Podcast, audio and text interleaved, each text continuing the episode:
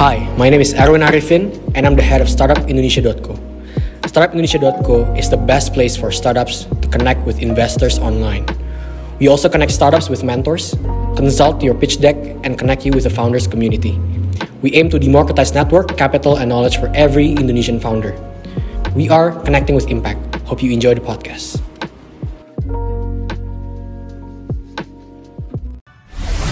Power Talk. Power Talk. Power Talk. Startup Hour bersama Nazir Arifin. Powered by bubu.com Assalamualaikum warahmatullahi wabarakatuh. Selamat malam. Uh, Kembali lagi bersama saya Nazir Arifin di Startup Hour. Jadi kita setiap minggu Bakal ngomongin banyak hal yang berhubungan sama not only Nggak cuman tentang startup Tapi kita juga ngundang banyak banget uh, expert di luar sana Dari founder, dari venture capital Dari banyak uh, stakeholder di ekosistem ini untuk kasih tahu gimana sih caranya untuk akhirnya bisa bikin startup yang lebih uh, sustainable dan bisa akhirnya bisa sustain lah sampai nantinya uh, menjadi yang kalian impikan. Mungkin selama ini orang-orang mikir kayak oke, okay, saya bikin startup saya tuh untuk akhirnya nge-solve solution di sekitar kita, tapi akhirnya juga di satu sisi kalian ada saat di mana kalian juga harus ngomong sama investor dan uh, ada caranya ternyata untuk akhirnya kalian bisa bikin satu apa namanya uh, kesan yang baik di depan mereka untuk akhirnya bisa lanjut ke next step yaitu nantinya pendanaan startup kalian. Hari ini seru banget kita kedatangan tamu uh, seorang superwoman. Oh enggak lah the, the woman yang udah kayak been di banyak industri yang pasti kalau banyak banget insight mengenai apa namanya investment uh, ekosistem Indonesia. Kita kedatangan Stephanie Yo venture partner dari Venture Capital dan juga business development manager dari Java. Hai Stephanie. Hai Nas. Oh, gimana gimana kabar? Thank you banget lo datang baik, di baik. Power FM. Eh di Power Talk, Startup, Startup Hour. Kita manggilnya uh, Power People bilang Oh, oke oke oke. Steph ceritain dong kayak sekarang lagi sibuk apa dan apa sih sebenarnya uh, di kerjaan yang mana di nih Nas? kerjaan yang both mungkin. Oh, oke. Okay. Kalau di Java kita memang lagi sibuk ngurusin ayam ya. Asyik. Selalu ya. Selalu ayam for life ya. Uh, kalau di Venox lebih uh, kurasi-kurasi uh, startup yang bagus-bagus okay. yang kita willing to invest. I see. Gitu. Jadi Venox tuh Silicon apa uh, sebuah perusahaan venture capital dari Silicon yeah, Valley yang kita dari Silicon Valley. operate uh, globally ya. Iya, yeah, kita dari di ya. I see, termasuk di Indonesia untuk akhirnya invest di uh, Southeast Asia. Iya. Yeah. Kebetulan saya dulu juga di sana. Jadi saya kurang lebih agak tahu mungkin mengenai pitch Lu aja deh yang ngomong deh. Oh iya. ini enggak ini artinya reunian sekalian di sini. Steph, uh, apa sih sebenarnya yang uh, mungkin sebelum kita akhirnya bisa ngomong lebih dalam lagi, yeah. sharing dong tentang sekarang tuh sebenarnya landscape dari startup di Indonesia itu gimana sih? Apakah berbeda? Mungkin sekarang orang bilangnya kayak oke okay, kita entering the second wave katanya. Yeah. The first wave itu kayak behemoth yang kayak Gojek lah, uh, yeah. Tokopedia lah. Sekarang gimana sih landscape-nya? Mungkin uh, saya ngomong dari sisi foundernya dulu kali okay, ya. Kalau misalnya kita lihat startup lima tahun lalu, hmm. ya kan? Startup uh, founder itu bisa datang ke visi dengan PPT doang kan, okay, PowerPoint. Okay. Oh yeah. ya ini ngejual mimpi saya gini-gini. Sekarang kayak udah agak jarang ya, udah soalnya jarang. udah agak susah juga gitu oh. loh. Kebanyakan kalau misalnya dari dari sisi VC juga kita mau lihatnya benar-benar trafficnya itu seperti apa. Oke. Okay. Ya kan kita mau lihat proven modelnya seperti apa juga, mm-hmm. ya kan. Ini kalian udah bener jalanin atau enggak gitu loh. Okay. Jangan cuman ngemeng doang toh. Oke okay, oke. Okay. Ya. Jadi memang real product sama real feedback dari yeah. user dan emang Pilotnya udah kejadian gitu lah, kan. Iya. Okay. Pilotnya ya. Jadi emang harusnya jadi startup founder dulu dulu aja gitu jangan iya. sekarang lebih susah ya. Oke, okay. tapi emang apa namanya?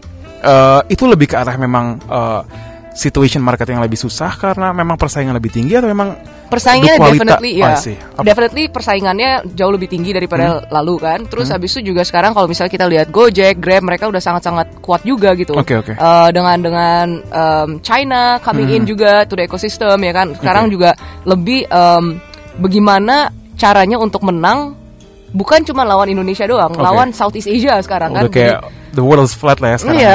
Borderless lah ya. Oke, oke, oke. Tapi sebenarnya uh, apakah dengan ketersediaan banyak informasi kayak sekarang super, super gampang lah mau nyari informasi tentang kayak how to build a product untuk akhirnya Iyalah YouTube aja tuh. Iya ya, tapi itu nggak ngebuat apa namanya kemungkinan untuk menjadi startup lebih baik semakin mudah ya? Enggak ya? Um, tergantung foundernya kan okay. ya balik lagi kan kalau misalnya nonton doang belum tentu bisa operate kan beda juga kan.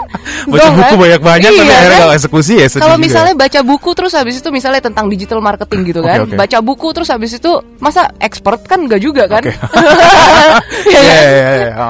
Iya, experience-nya okay. itu yang harus dipoles kayak jadi Indonesia ya. Oke, okay, wow. Uh, Steph, uh, ngomongin soal how to talk to investors nih. Sebelum yeah. akhirnya kita akhirnya uh, ngomongin lebih detail nih. Mungkin start with the questions yang lebih uh, ini mungkin ditungguin sama semua pendengar nih. Mm. Kayak which far kayak number one questions kayak gimana sih caranya akhirnya satu seorang venture capitalist itu uh, decide untuk akhirnya invest di founder startup gitu?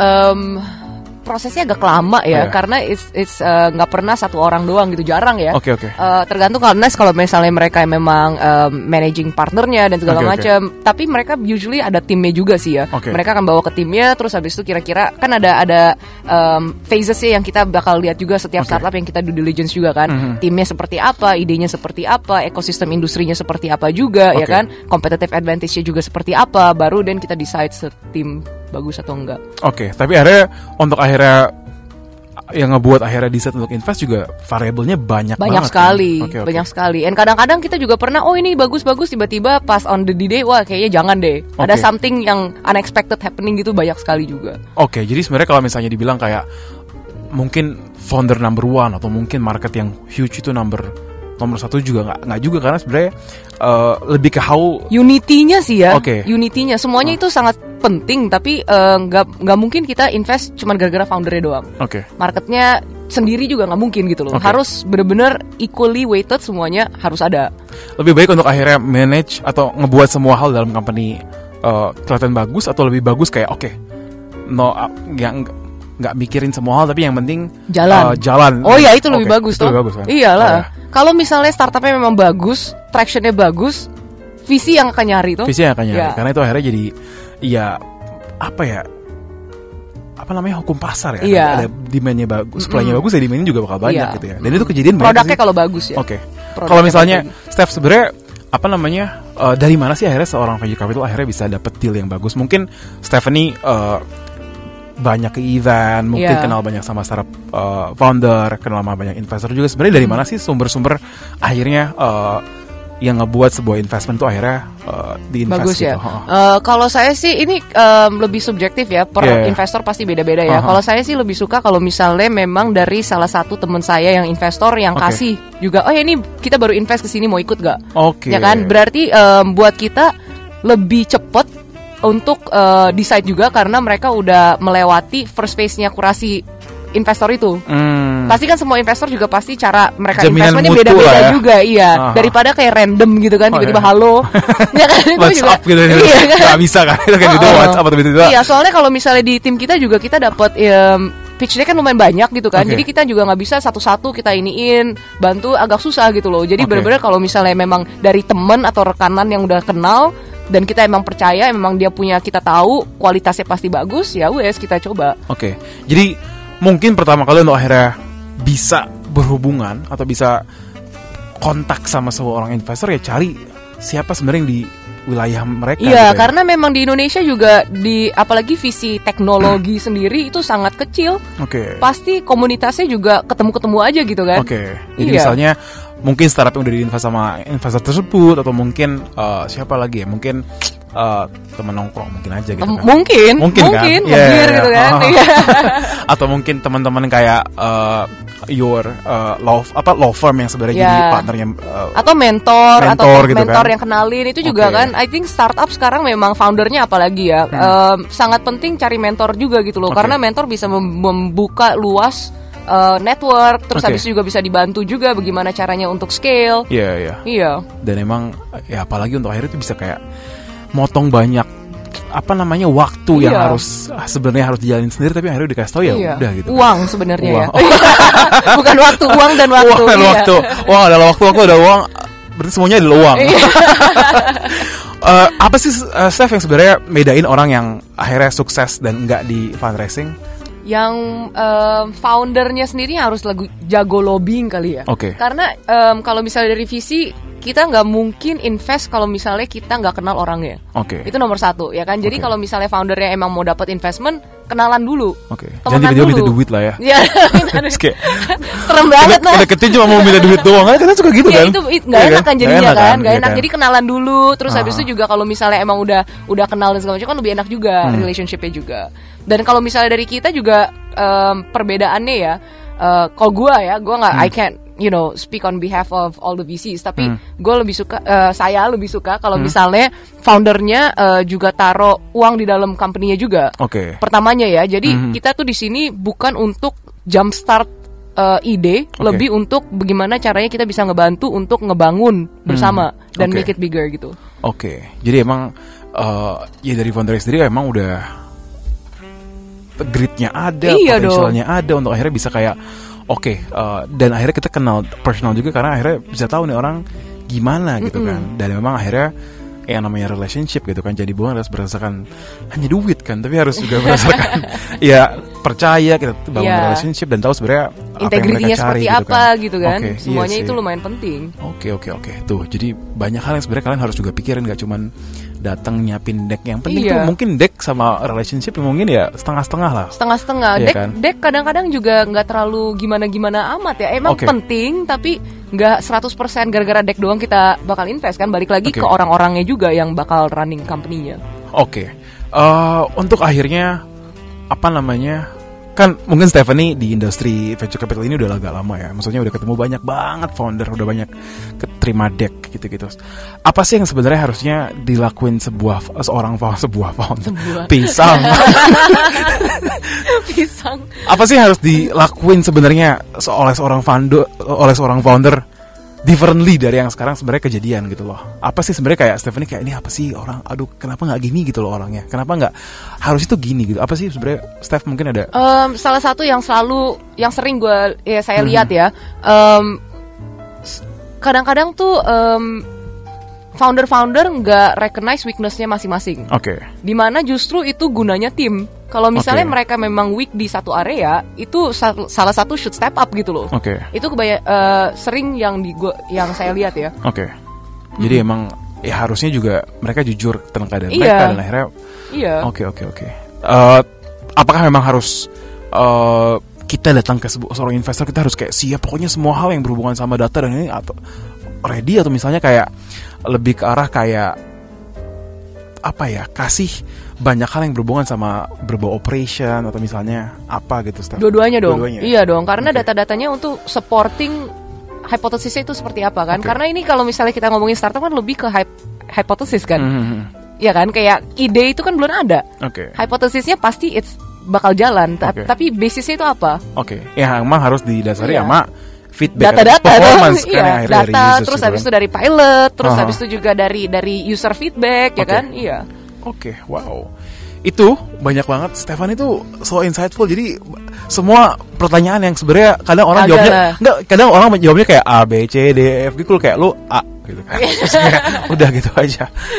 Steph ini mungkin kita ngomongin soal tactics lah ya. Iya. uh, gimana sih akhirnya proses itu uh, berjalan di dalam sebuah venture capital saat mereka menerima sebuah uh, proposal bisnis ya. Uh, apakah orang bisa ya? uh, apakah orang bisa langsung uh, kayak email uh, Stephanie directly atau mungkin harus kayak uh, tadi intro-intro yeah. kayak iya. gitu? Kayak gimana sih caranya nge-reach visi-visi out there gitu? Ya sebenarnya sih banyak cara ya. Uh. Email banyak dapat juga. Huh? Terus habis itu juga kalau misalnya datang ke event ketemu, hmm. biasanya kan dia juga pitching-pitching 10 detik. Ini kalau misalnya okay. kita suka dan kita bakal telepon.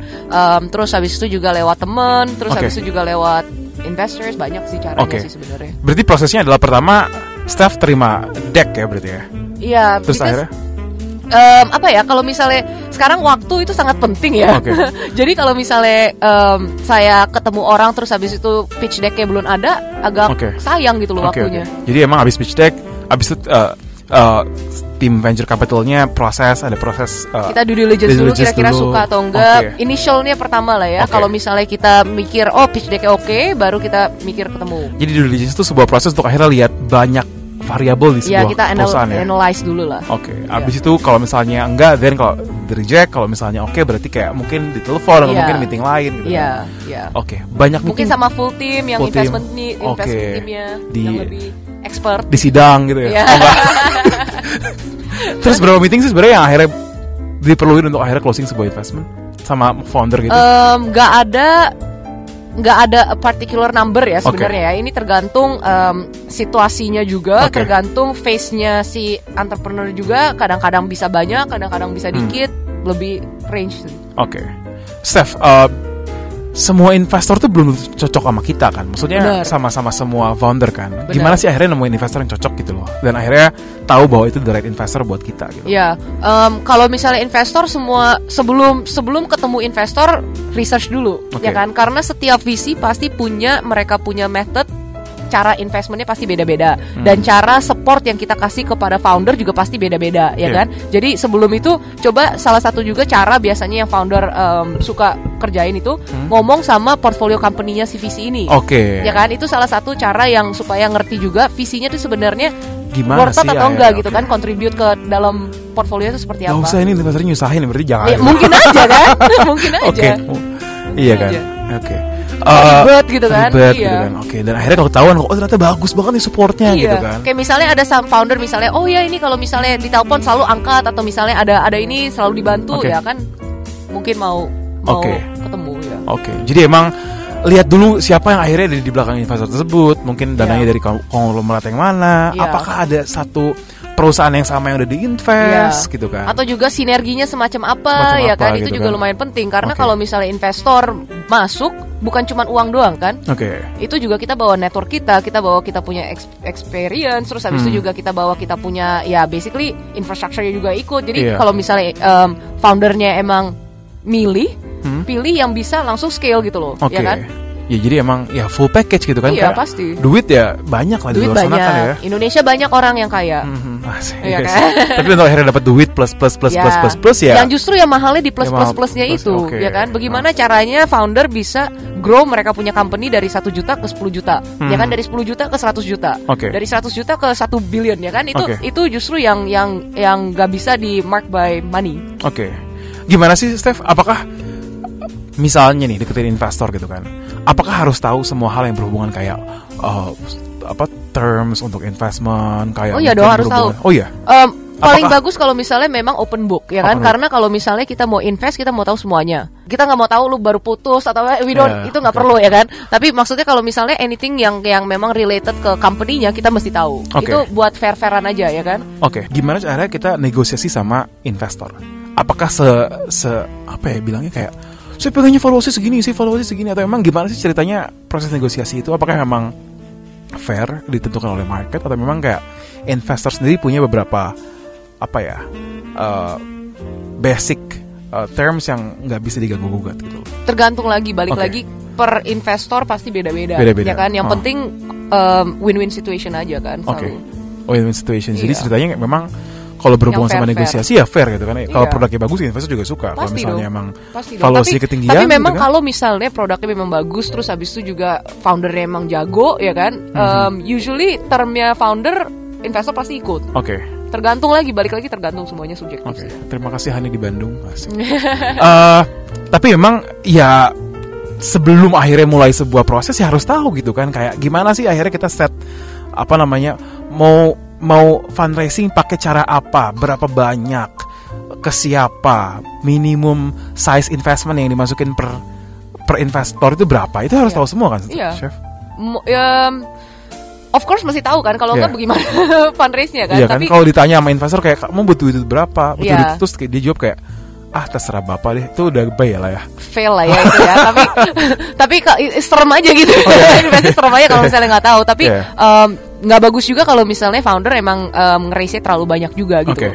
Gak bagus yang ya? Gak terlalu bagus ya Karena, karena um, Dia kan pikirannya kayak Ah nanti kalau misalnya duitnya habis kan gue masih yeah. masih kita masih punya uh, banyak ya mentalitinya gitu kan? begitu ya. Yeah. Tapi uh, duit tambah banyak berarti duit uh, responsibility tambah banyak okay. ya kan? Karena itu juga kalau misalnya uh, dapat uang hmm. itu bukan berarti the end gitu kan? Itu oh, yeah. only the beginning ya kan? Beginning. Okay. Itu kan harus di repay back gitu ya okay. kan? Iya.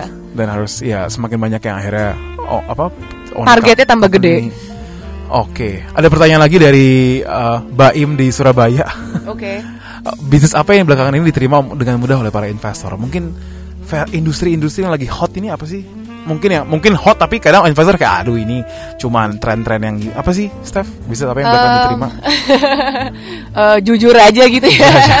Uh, Sebenarnya sih semuanya kalau misalnya idenya bagus, why not gitu kan. Tapi jangan ikut yang hype-hype kayak okay. saya terima banyak yang mau bikin robotik lah apa okay. segala macam. Kayak Indonesia belum sampai situ okay. ya kan. Blockchain ya bagus tapi use case itu seperti apa gitu okay. kan. Harus harus lebih dimatengin aja. Oke. Okay. Industri-industri lagi mungkin selama ini Indonesia masih lack of mungkin kayak agriculture atau mungkin education gitu gimana? Offline-nya sih udah sangat-sangat bagus ya.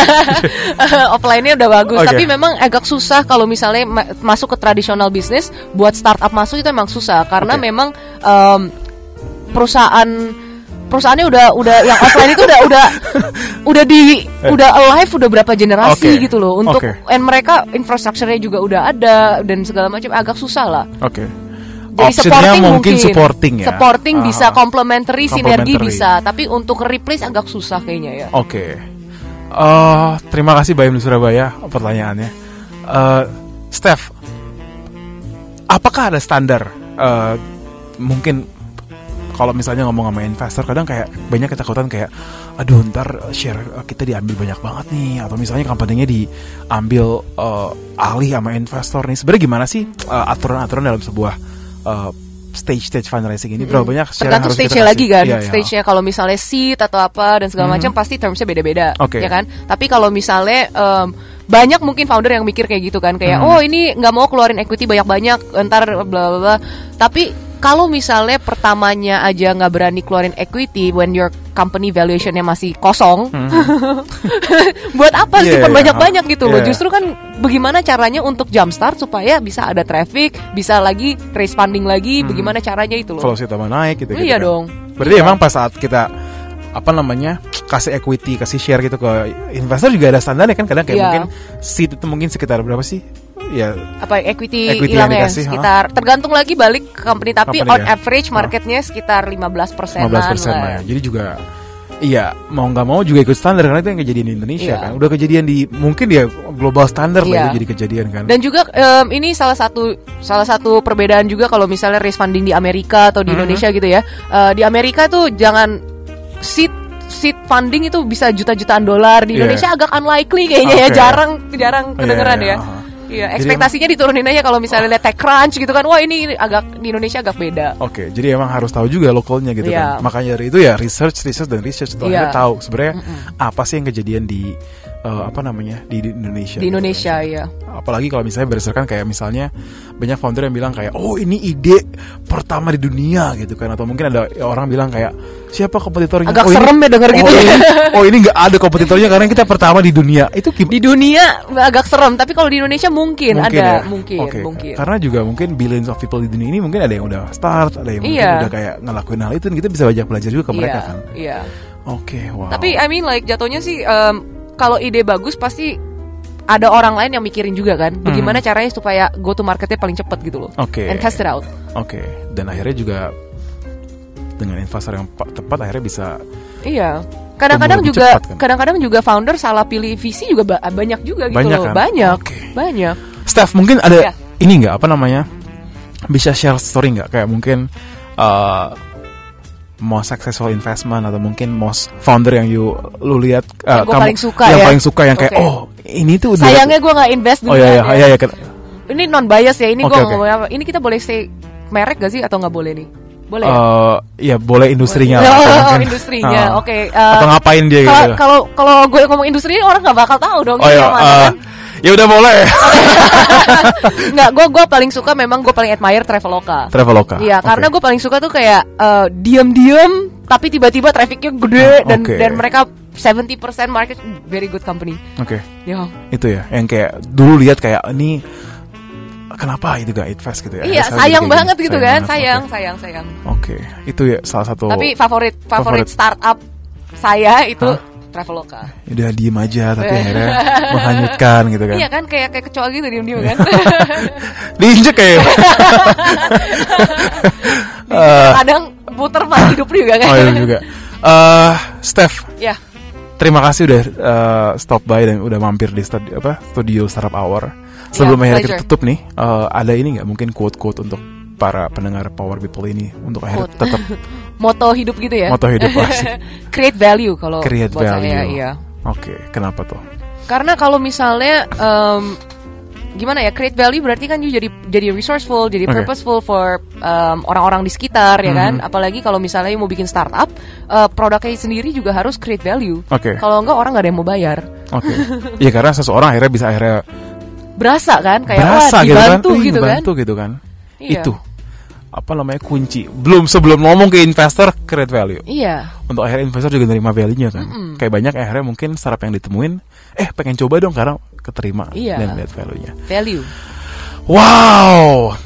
Benar-benar seru banget. Terima kasih Stephanie Yo untuk akhirnya mampir. Thank you, sukses Nes. untuk semua uh, apa namanya project dan partner-partner partner, thank you, thank project you. dan semua pro apa namanya rencana across nation yang tadi Thank diceritain you, waktu you. selama break. thank you thank you Ah itu guys, jadi sebenarnya how to talk to investor itu sebenarnya gampang kalau kalian tahu uh, caranya. Banyak hal sebenarnya banyak investor di, di apa namanya Indonesia yang sebenarnya kalian bisa reach out tapi reach out lah dengan cara yang tepat, dengan company yang tepat dan akhirnya tetap yang berbicara adalah performance dari company kalian. Jadi itu menjadi sebuah kunci run your business uh, in a good way.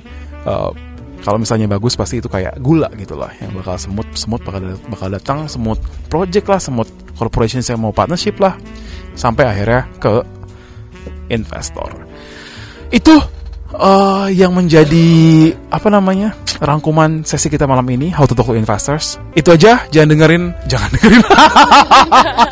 Jangan lupa dengerin Startup Hour setiap hari Jumat jam 8 sampai jam 9 uh, next week siapa speakernya? Uh, tetap uh, follow our social media. Uh, stay awesome dan break things. Saya Nazir Arifin. See you next week. Bye bye